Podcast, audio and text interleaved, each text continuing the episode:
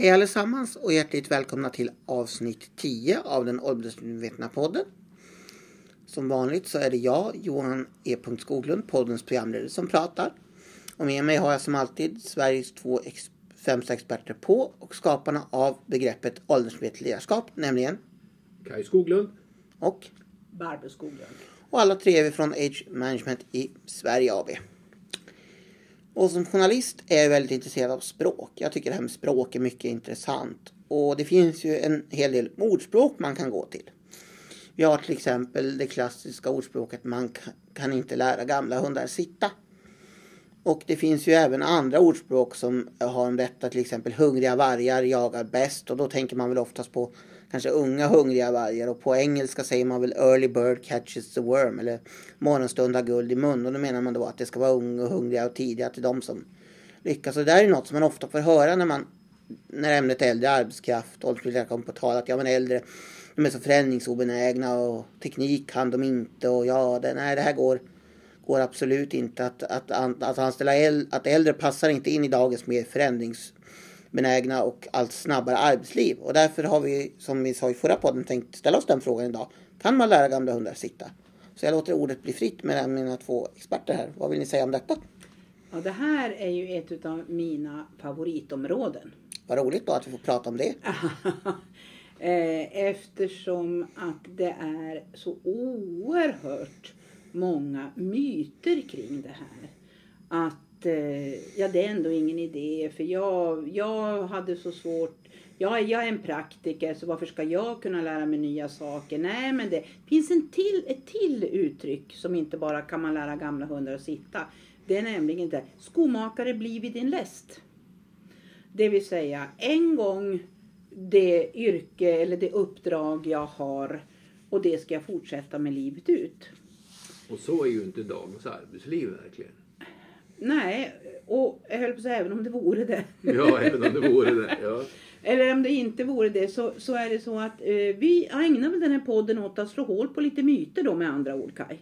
ja, det har vi redan sagt att det är en myt. Ja, och, och, men, men då vet man, ja men det är ju så svårt att, att, att lära sig nya saker. Och framförallt om de är teknik och datorer. Ja, absolut. Och, och nu, det ska, vara, det ska vara unga personer, teknik, för de är ju födda med det här. Man kan ju börja med den, den första myten. Att ha, är man född på 40-talet, 30-talet, eh, 20-talet Eller vi som på 50-talet. eller vi som på 50-talet så har vi ju varit med om en otrolig teknikutveckling. När jag var barn på 50-talet fanns inte telefoner överallt. Min mormor och morfar som hade sitt sommarställe i Knivsta mellan Stockholm och Uppsala, de hade inte telefon. Så vi åkte ner till telegrafen och beställde telefonsamtal till mina föräldrar som då bodde i Kalix. Och när man var riktigt ung fanns inte TV och det fanns bara en radiokanal. Just precis. Eh, så att teknikutvecklingen har varit väldigt, väldigt stor. Eh, vi, nu som, vi är i mars nu, vi är den 16 mars idag när vi spelar in den här podden. Och för någon vecka sedan på ett av de populära fredagsprogrammen som heter Skavlan så hade man en 102-årig dam som bloggar. 103-åriga Dagny, årets senior. Ja, hon var till och med 103-årig. Eh, Hon var inte bara 102, hon var 103.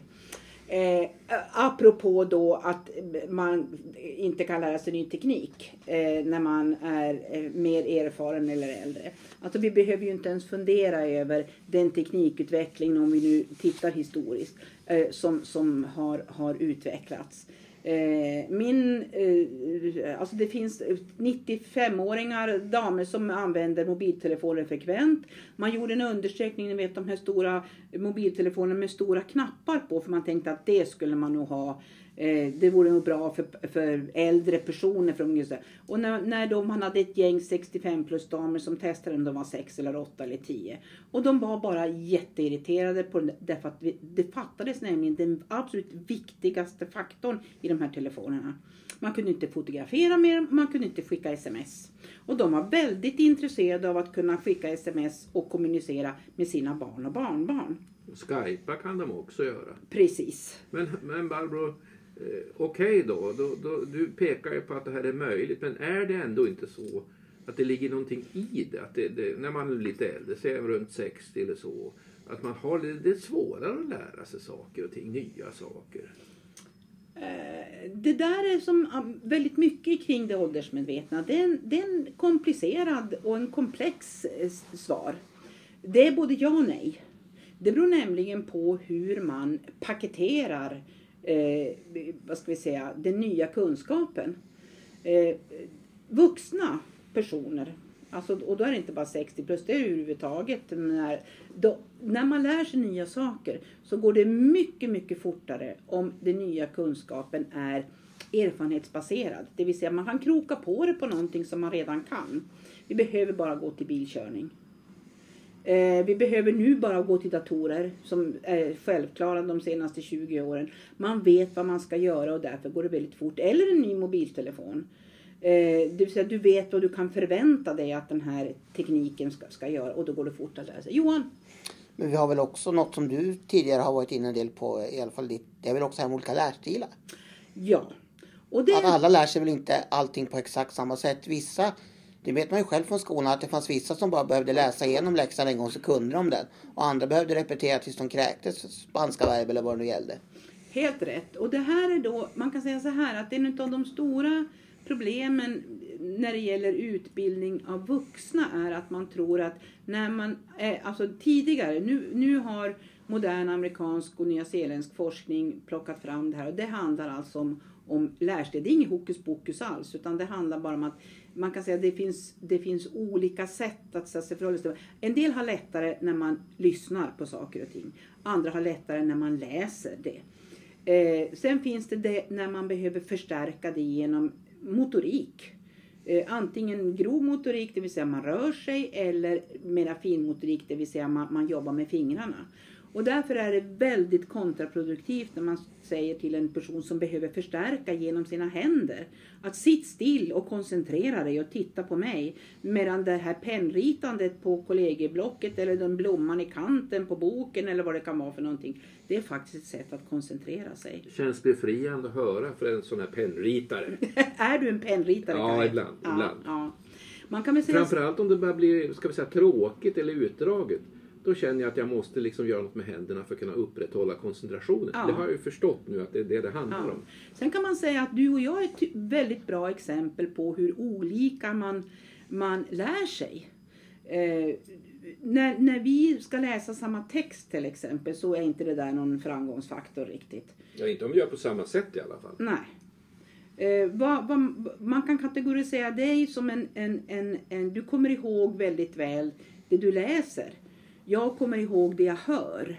Eh, det innebar att när jag gick i skolan på 50 och 60-talet innan man började med de här. Då berättade ju lärare väldigt mycket. Framförallt på gymnasieskolan. Jag behövde ju aldrig läsa en läxa i stort sett. Därför att jag kom ihåg vad de hade sagt och de förhö- förhörde på det de hade sagt. Eh, sen utvecklar jag en teknik hur jag gör när jag alltså läser in text. Det vill säga, jag skriver om det. Det jag ska komma ihåg. Jag tog mig genom mina universitetsstudier genom att skriva kompendier. Det tror jag inte du har gjort någon gång va? Ja, det vet jag inte. Men däremot det som slår mig när du beskriver det här, om vi kopplar det till arbetslivet. Det måste ju innebära att om man nu ska införa nya tekniker, nya metoder eller överhuvudtaget någonting som ställer krav på ny kunskap. Så spelar det ju väldigt stor roll att man då utformar möjligheterna till kunskapsinhämtning på olika sätt. Ja. Och framförallt är det så här att det är väldigt viktigt att den här utbildaren som man ofta plockar in från det här IT-företaget eller vad det är, man ska i något nytt kvalitetssystem, eller något nytt eh, personalsystem, eller alltså ofta något nytt eh, patient, eh, alltså journalsystem eller dokumentationssystem. Så det är viktigt att det här anpassas till flera olika sätt att lära sig. Och det enklaste sättet är att fråga folk. Hur, för man vet hur man lär sig bäst om man tänker efter. Det är inga konstigheter. Det här gjorde jag när jag var rektor på komvux. Men, men det här betyder ju bara att det, det behöver inte vara individen alls som är problemet.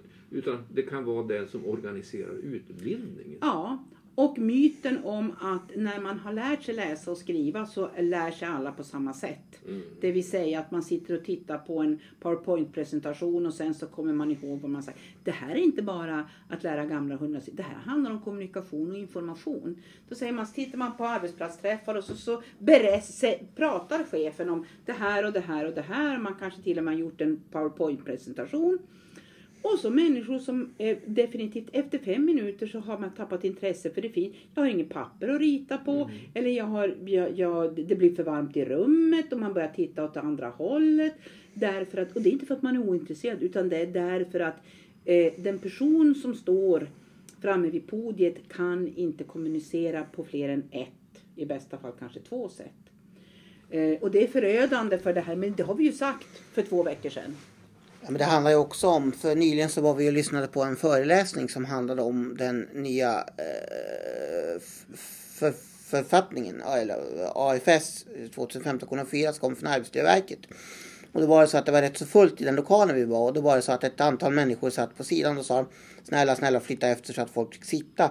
Men Barbro, du ville inte sitta utan du ville stå för att du tyckte inte om stolarna i lokalen och du var tvungen att påpeka detta och då sa till slut den här, har alla som vill få, få, få möjlighet att sitta. För att det uppfattades som att om man inte, om, att alla var tvungna att sitta på stolen för att annars var det konstigt.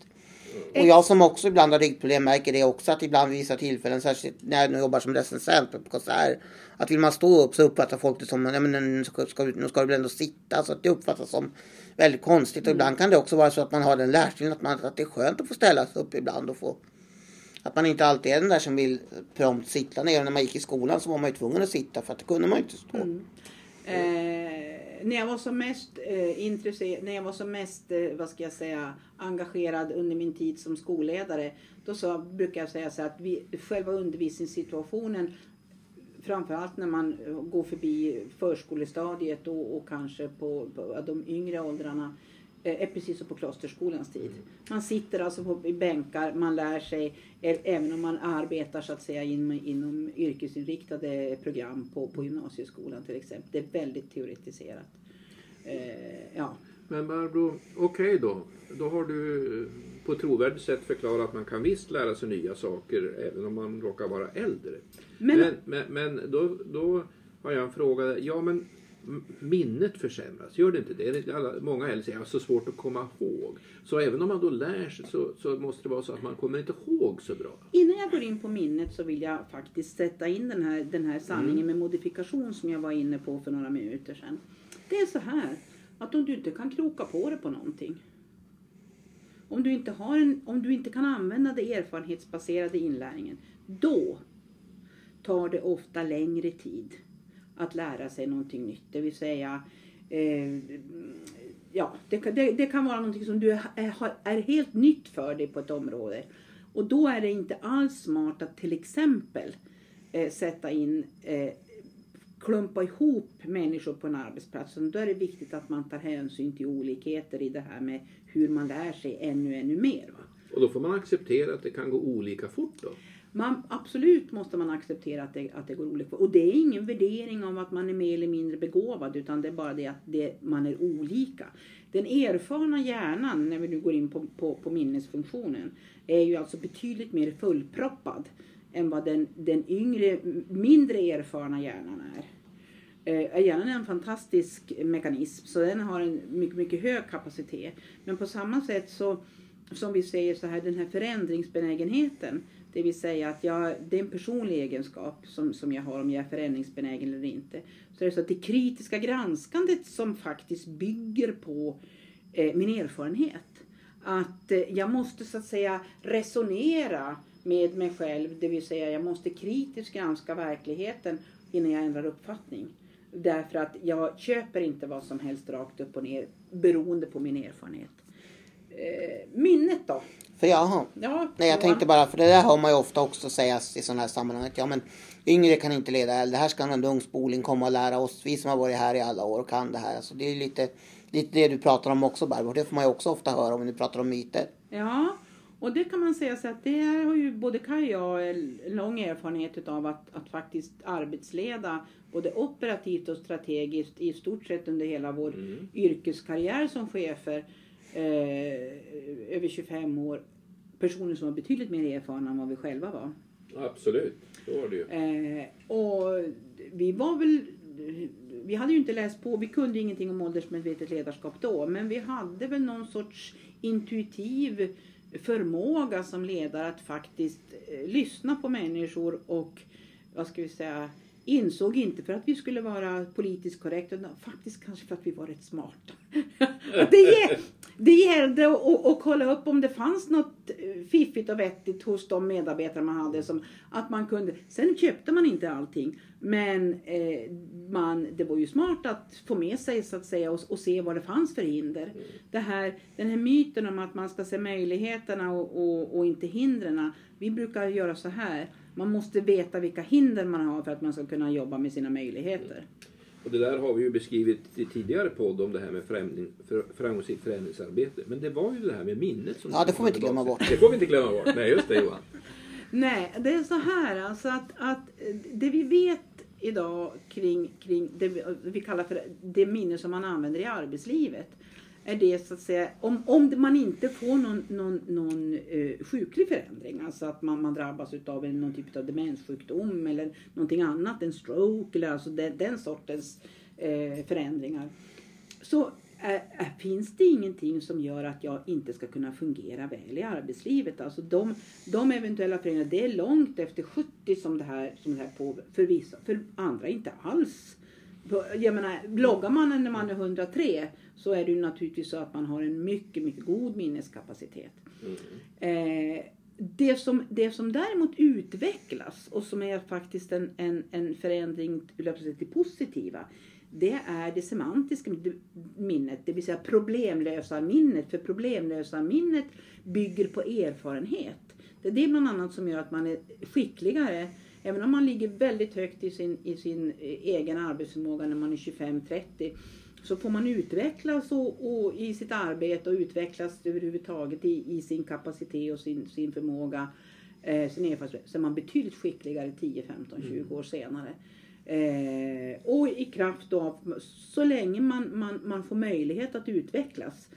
Eh, därför är kompetensutvecklingen som eh, ska finnas i arbetslivet inte enbart en fråga för vissa på en arbetsplats utan det gäller faktiskt alla. För där finns det ju, det har vi ju stött på ett antal gånger, det är både chefer och medarbetare som kanske ligger runt närmaste 60 eller däromkring. Och det är både chefen och medarbetaren, ja men det är ju ingen idé att, att, att jag ska kompetensutveckla mig, gå på en utbildning, lära mig, jag ska ju ändå snart sluta. Och det är faktiskt eh, den mest, och det har ju den finska forskningen kring arbetslivet och arbetsförmåga kring äldre visat. Det är det effektivaste sättet att slå ut äldre arbetskraft från arbetslivet. Eh, men det vill alltså, säga brist på kompetens. Brist på kompetensutveckling. Mm. Och just det här att ja, men de behöver ju inte. Men då kan man väl säga bara att ja, det, åtminstone vad gäller människor så är det en myt att äldre människor inte kan lära sig nya saker. Men det ställer krav på omgivningen då. Det ställer framför krav på ett ledarskap som faktiskt eh, inte tror på myten mm. att det är ingen idé. Eh, eller de här två myterna. Det är ingen idé att lära gamla hundar att sitta och skomakare bli vid din läst. Eh, framförallt när det gäller förändringar eh, där man behöver förändra uppdragsväxling som vi inte har pratat om men som kommer i en senare podd. Eh, eh förmodar vi. Mm, eh, mm. Och validering som är så att säga en, en, en process som är av nödvändighet när man ska, när man ska ha ett arbetsliv som där inte det hela tiden fylls på utav nya medarbetare utan man måste göra både och. Man måste tidigare in i arbetslivet för de unga och man måste senare ut för de som vill och kan fortsätta arbeta. Ja, det var väl det hela för idag, va Barbro? Vad säger Johan? Ska vi Ska vi ha något nytt spännande nästa gång? Det ska vi ha. Men innan vi gör det vill jag bara avsluta med också att få ta tillfället i akt som den stora jazzälskare jag är och passa på att tala lite kort bara om Sven Asmussen som nyligen ja. fyllde 100 år. Och det har ju varit en del intervjuer med honom inför 100-årsdagen och det är också fascinerande att se hur pigg och vital han har varit. Även om en, en stroke gör att han numera inte kan spela fiol men han håller ändå igång och det tycker jag också är ett inspirerande, alltså att För jag tror på att man behöver sådana förebilder eller vad jag ska säga. Även om man kanske inte, alla kan väl inte bli Sven Asmussen och det är inte det jag säger. Nej. Men jag tycker ändå det är ett fascinerande exempel när vi ändå pratar om äldre. Och det intressanta är att jag läste också några artiklar eh, om det här och då säger han så här, den här stroken gör att hans högerarm inte funkar. Och det är med den man, spel, det är med den man betvingar eh, så att säga fiolen som han nog uttryckte sig fast betydligt mer begåvad än vad, jag, än vad jag säger. Och när jag läste det tänkte jag, ja det stämmer ju naturligtvis. Har man, om högerarmen inte funkar när jag då ser en violinist då, då, blir, det ingen, då blir det inte musik. Eh, men de andra funktionerna är då helt intakta. Jo, du frågade Kai vad nästa program ska handla om och då kan vi väl återknyta till ett ordspråk. Vi pratade ju om ordspråk i början. Ett annat ordspråk som ofta används är kärt barn har många namn. Och vi hört talas, eh, för några år sedan pratades det om åldersrasism. Det har pratats om ålderism, är ett ord som ett av pensionärsförbunden vill använda. Men det med mer formella termen som ofta används är ju egentligen åldersdiskriminering. Och det finns ju formellt reglerat i lag vad åldersdiskriminering är. Men vi tänkte ändå eh, drista oss till att, eftersom jag har faktiskt skrivit en bok om bland annat, om, om bland annat jag har skrivit om hela diskrimineringslagen, men den är åldersdiskriminering i arbetslivet. Men vi tänkte enkelt nästa program ställa oss frågan eh, eh, vad tycker vi om åldersdiskriminering? Alltså vad tycker vi om begreppet? Hur det används idag? Har det fått en för vid betydelse? Är, det, är, det för, är folk för snabba att ta fram åldersdiskrimineringskortet? Och har det blivit ett urvattnat begrepp? Det tänkte vi prata om i nästa program. Men det är som sagt var i, den, i, den, i avsnitt 11 som kommer då. Så, för där, så med det sagt så ber vi tre, det vill säga Kaj, Barbro, och Johan att få tacka för oss. Tack och hej! tack och hej. tack.